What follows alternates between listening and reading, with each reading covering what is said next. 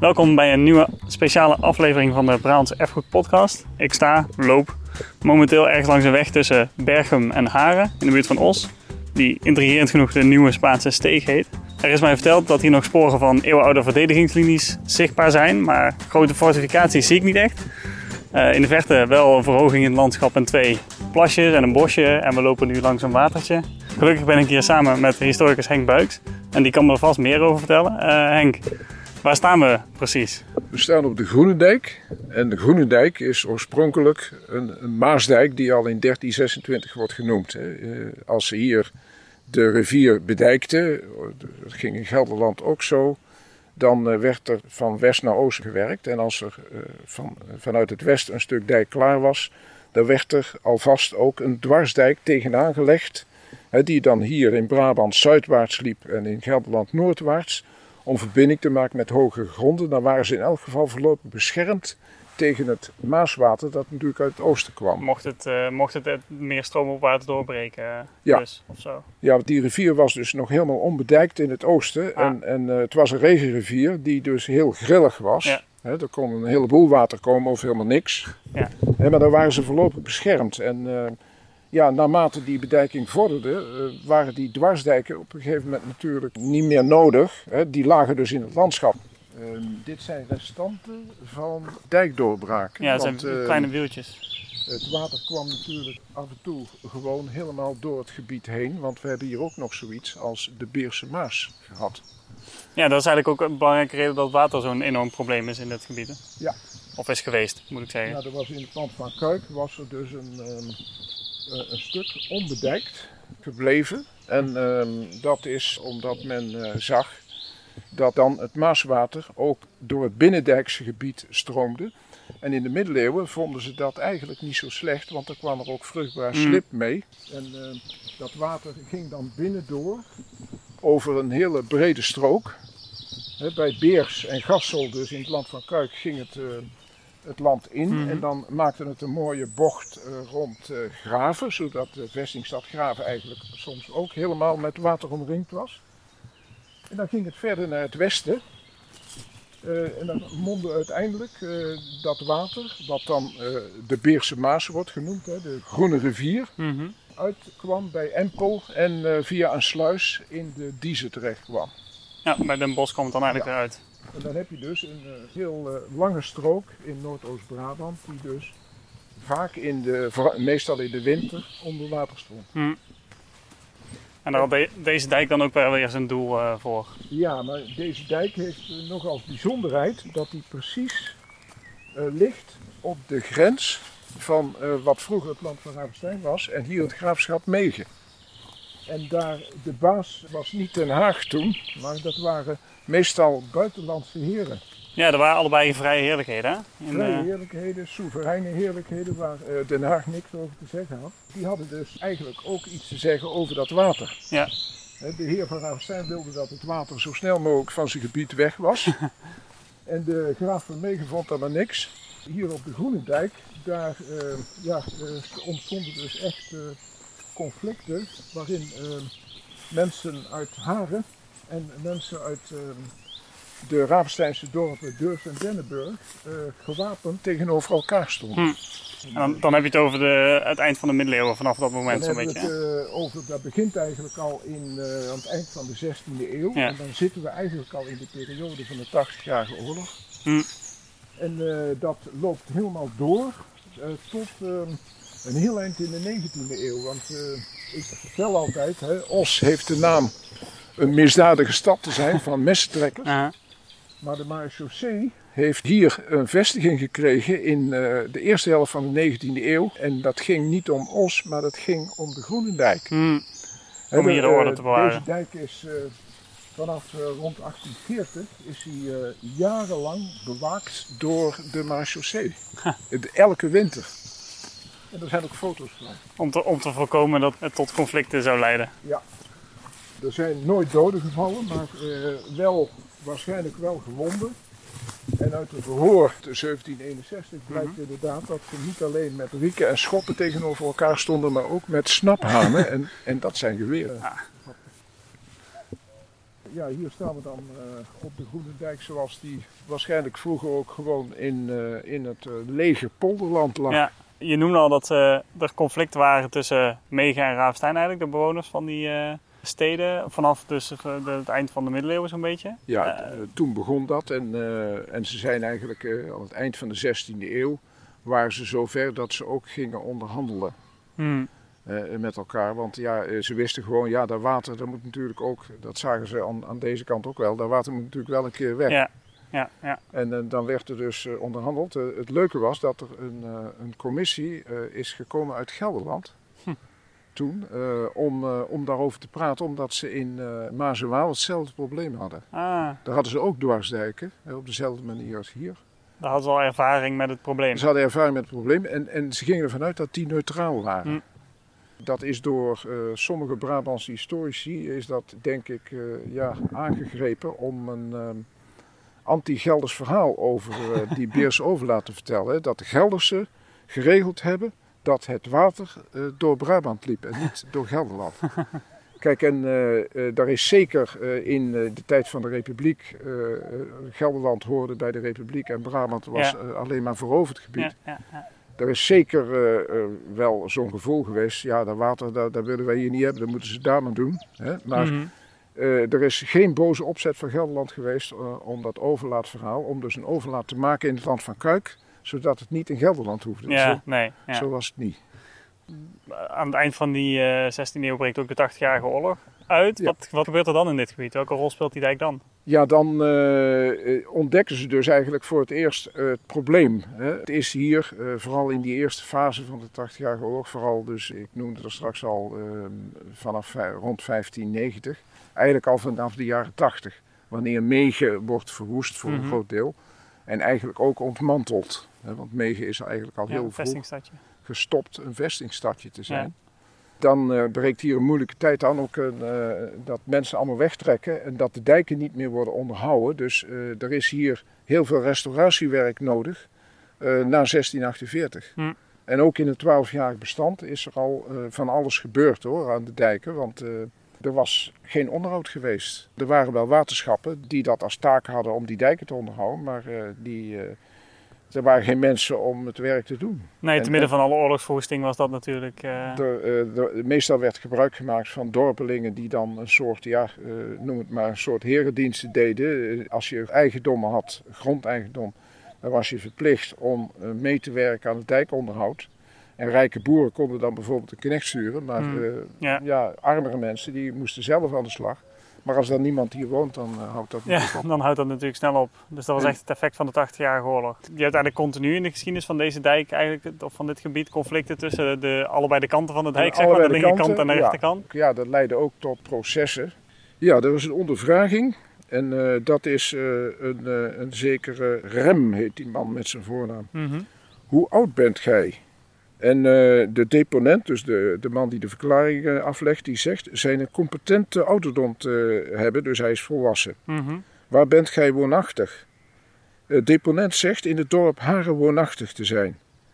Waar hebt gij geweest op dato de 2 juli uh, 1761, snamiddags, omtrent de klokken twee uren?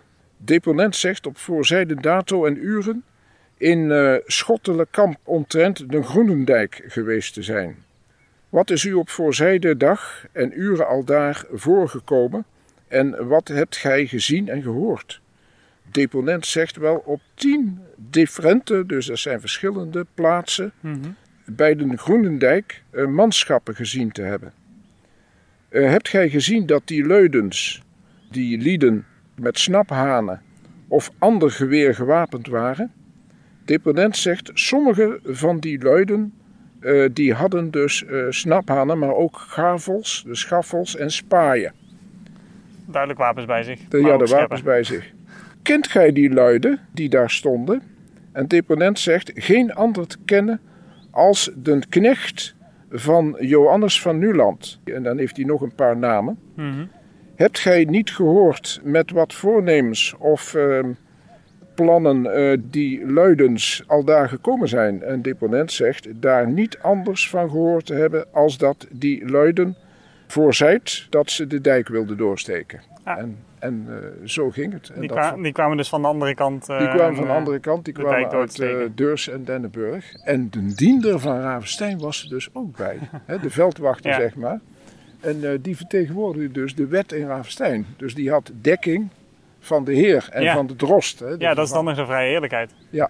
Ja, en eh, dat wordt hier in Haren wordt dat heel hoog opgenomen. En Haren ligt natuurlijk ook heel dicht bij de dijk. Ja. Hè? Ja, het, het eerste slachtoffer als er echt water eh, overheen knalt. Ja, dus dat gaat gewoon door in de 18e en ook in de 19e eeuw. En ja, in de 19e eeuw komt dus, eh, dan hebben we het Koninkrijk der Nederlanden en dan hebben we inmiddels de Marechaussee. Mhm. En die komt dan hier jaarlijks om eh, dit eh, gebied hier, de Groenendijk, te bewaken. Daar stond ook een, eh, een, een soort hut waar ze dan in konden schuilen. En dus ondanks dat er een 80-jarige oorlog bezig is, of ondanks dat in 1672 de Fransen binnenvallen, blijft dit gewoon dat, het, het onderlinge conflict blijft Het- gewoon Het doorsluimeren. probleem blijft doorgaan. En Ja. eh, er is dus eh, geen eh, alomvattende overheid die het probleem gaat tackelen. Dus dat blijft hier zo. Ja. Dus die Groenendijk die heeft, die heeft een kwalijke naam gekregen in deze regio. En dan in de 17e en 18e eeuw wordt de Zuiderwaterlinie aangelegd. Aan eigenlijk de hele noordgrens van het huidige Noord-Brabant. Ja. Een heel groot aaneengesloten complex van forten en sluizen, inundatiegebieden. Dus gebieden die men onder water kon zetten. En welke rol speelt deze dijk dan in die waterlinie? Ja, ik denk heel weinig, want het was juist zo. eh, eh, deze dijk hoorde eigenlijk een zo passief mogelijke rol te spelen. Want Mhm. eh, met name Den Bosch had er belang bij, op sommige momenten, dat liefst al het water eh, van de Beerse Maas eh, richting Den Bosch stroomde. Hm. Dus eh, die dijk moest in elk geval Om- open. Om Den Bosch te inunderen, bedoel je? Ja, in zoverre heeft deze dijk een rol gespeeld, maar er zijn hier nooit, bij mijn weten, bij deze dijk versterkingen of zo opgeworpen. Het is eh, eigenlijk zo dat het eh, vrij leeg is wat betreft de militaire werken tussen eh, de omgeving van Den Bosch en de omgeving van Graven. Ja, ik wou net zeggen, in Graven zou je kunnen zeggen dat de Zuiderwaterlinie eigenlijk begint of eindigt, afhankelijk van je perspectief. En dan heb je Ravenstein als eh, vestingstadje en dan loopt hij hier wel langs. Ja, maar eh, Ravenstein is natuurlijk ook eh, ontmanteld in 1674. Ah, ja.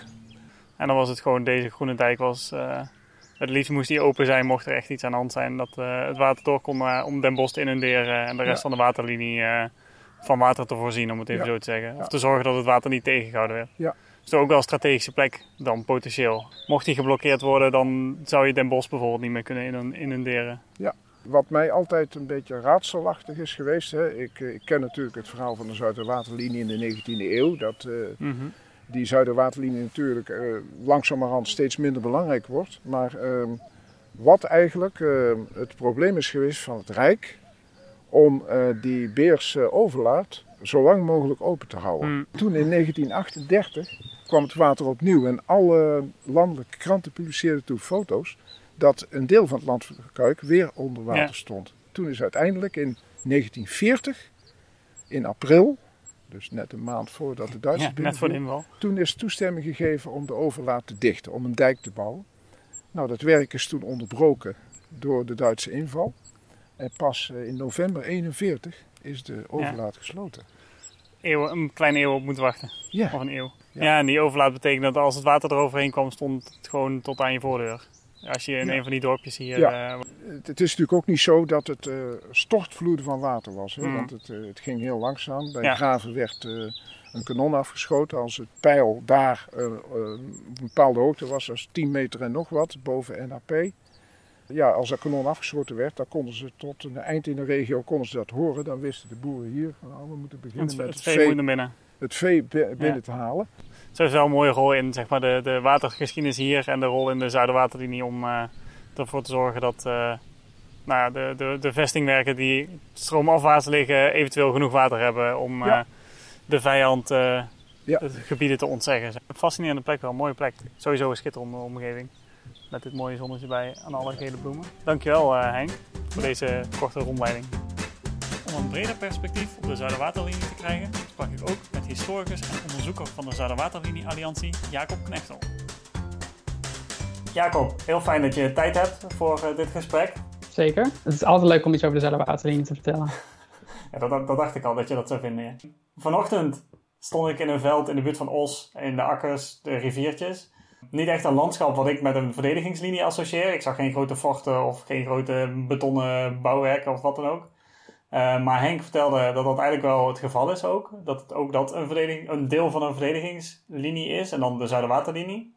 Dat landschap met die akkers en die rivieren, is dat iets wat kenmerkend is voor de Zuiderwaterlinie? Ja, zeker. Het is goed dat je dat zegt, want zo kan je de Zuiderwaterlinie altijd heel goed introduceren bij mensen.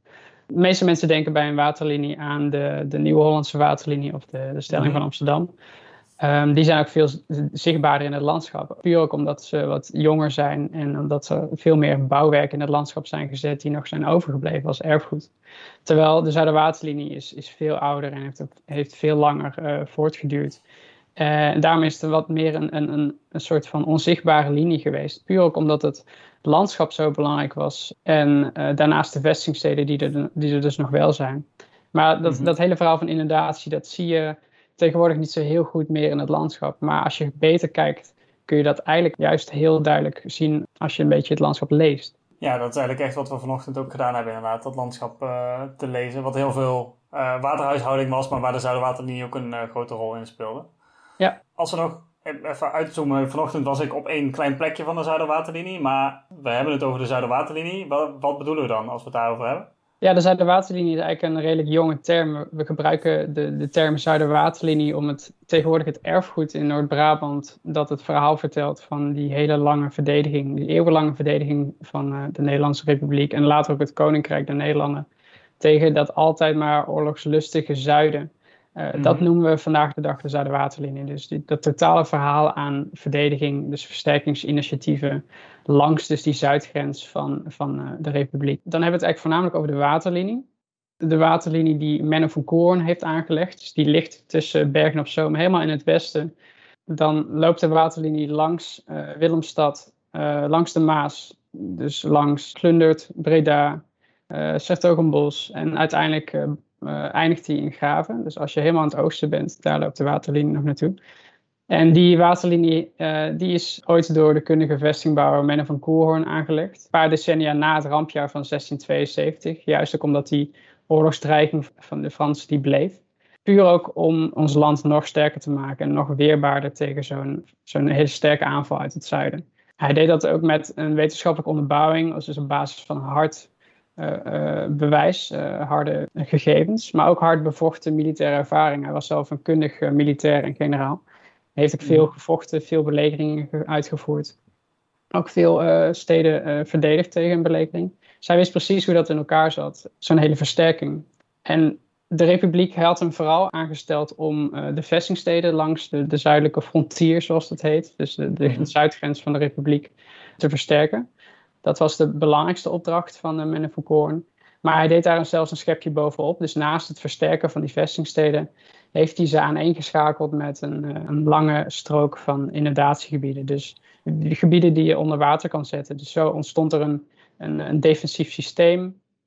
Een ketting van grootse vestingsteden en daartussen uh, ja, haast onbegaanbare inundatiegebieden. En die je dus onder water kon zetten als je dat wilde. Als dat nodig was. Als het nodig was, ja, als het dreiging was. En de vijand is dan vooral Frankrijk op dat moment, hè, in de eind 17e eeuw. Ja. En vandaar dat hij op het zuiden ligt. Precies, Frankrijk was, was, is eigenlijk heel dominant in het verhaal van de Zuiderwaterlinie. Mm. Puur omdat het zo lang een agressor is geweest. We hebben zo lang moeite gehad met die eeuwige uitbreidingsdrang van Lodewijk XIV, de zonnekoning, die, die mm. het echt zijn zin had gezet op het grote Nederland. Hij, uh, had, uh, hij komt natuurlijk uit de 17e eeuw en heeft Nederland zien opgroeien tot een, uh, ja, tot een, tot een, een grootse republiek.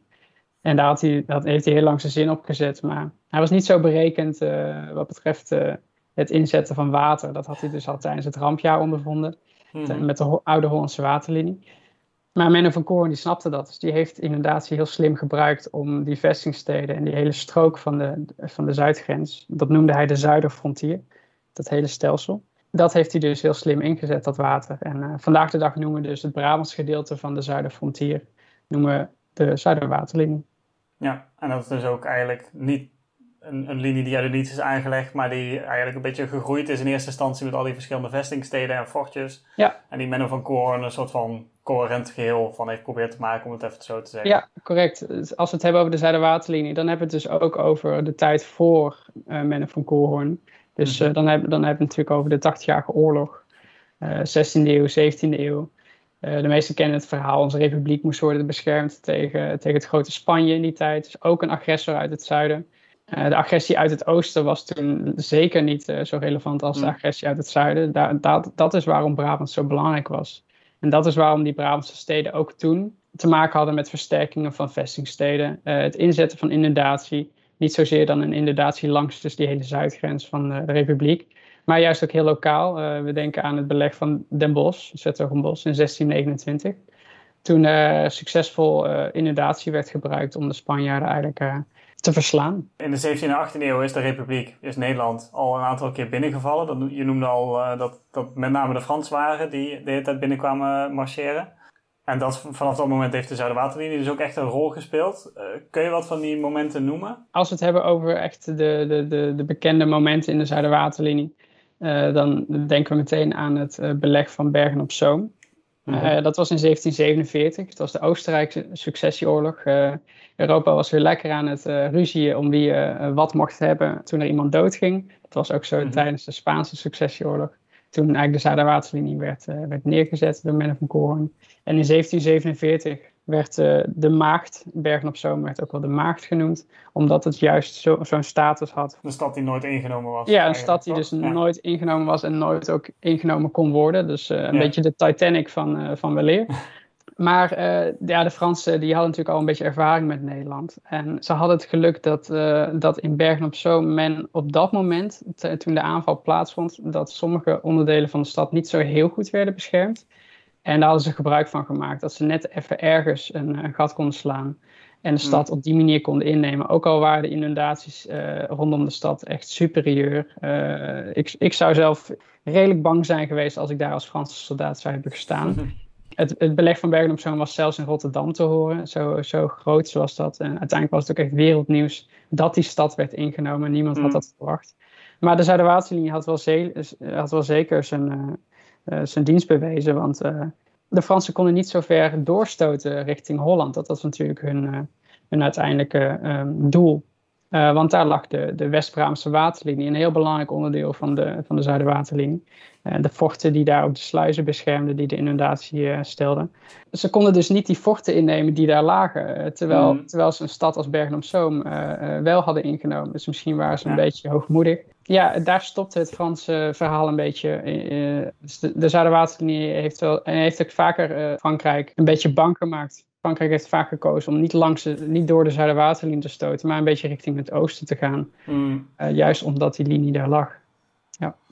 Heeft het toch zijn, uh, ook een afschrikwekkende werking gehad uh, eigenlijk? Ja, dat was eigenlijk ook het grote doel. Ja. Uiteindelijk is zo'n linie ook bedoeld niet zozeer om soldaten dood te maken van de vijand, zeg maar. Ja, ook. Maar ook om ze vooral bang genoeg te maken dat ze daar niet komen en dat je ze andere kant op stuurt die misschien minder begaanbaar zijn. Ja. Of, ja.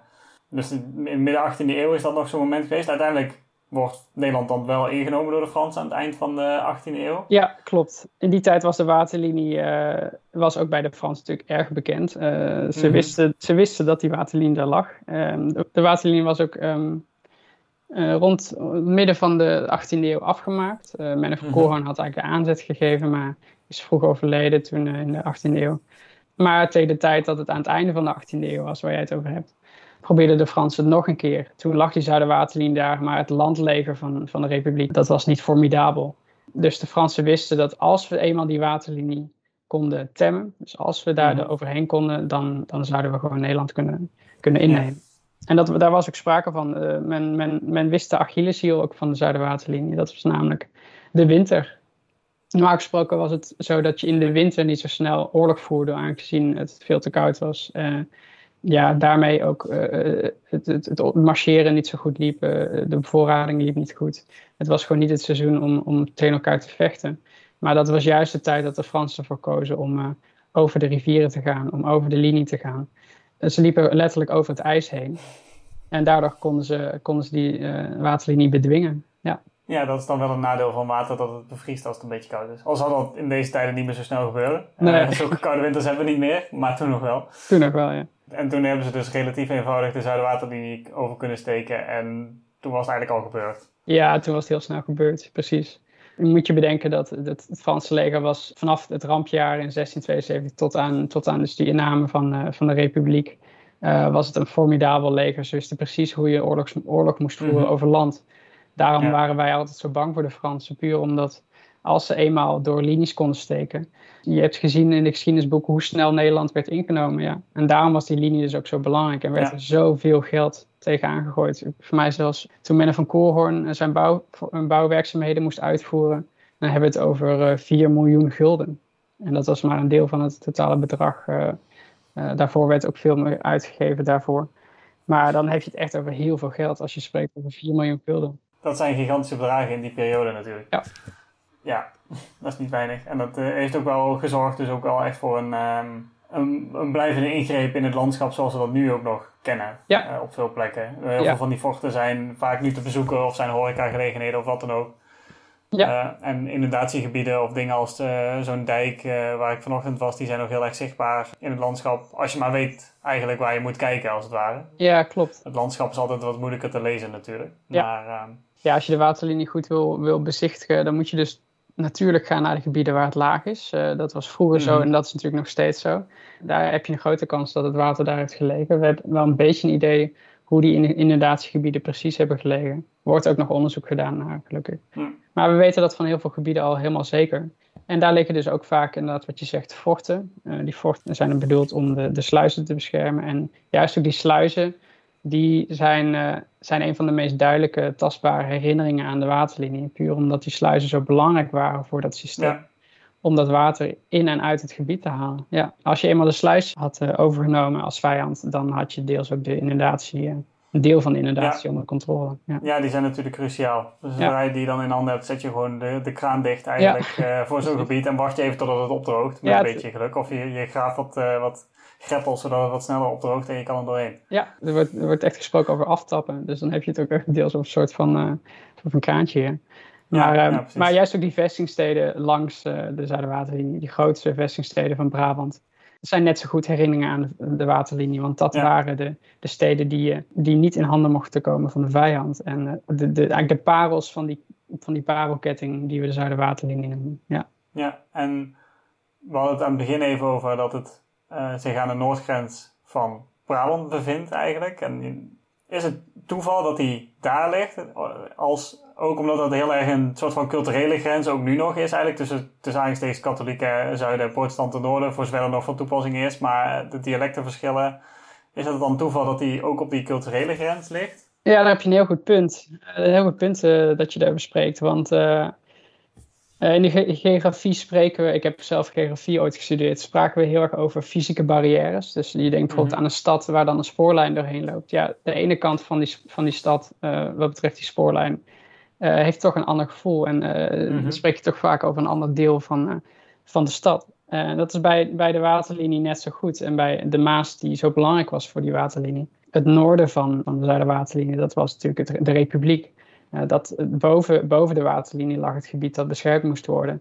En onder de waterlinie lag het oorlogsgebied waar eh, de, de vijand gewoon naartoe kon lopen. Ja. Eh, Ja. En die grens is inderdaad, die zie je vandaag nog steeds terug. Want we hebben het ook over het verschil tussen inderdaad wel de Republiek en het generaliteitsland eh Staats-Brabant. Eigenlijk een beetje de- het buffergebied, het net niet provincietje van, van de Republiek. Ze hebben het vaak Ja, geprobeerd precies. om erbij te komen, Staats-Brabant. Maar het was uiteindelijk een oorlogsgebied. En dat verschil zie je vandaag de dag nog steeds terug, ja. Ja, Ja, echt- het zijn ook de Brabant en Staats-Limburg, die, hebben, die hadden ook gewoon minder te zeggen in het landsbestuur. Of Ja. eigenlijk vrij weinig. klopt. Het, eh, het- ze- hadden ja. wel, wel, wel iets van invloed, maar uiteindelijk waren het eh, plat gezegd gewoon buffergebieden. Eh, Ja. Daar werd- ook daadwerkelijk vaak de oorlog gevoerd.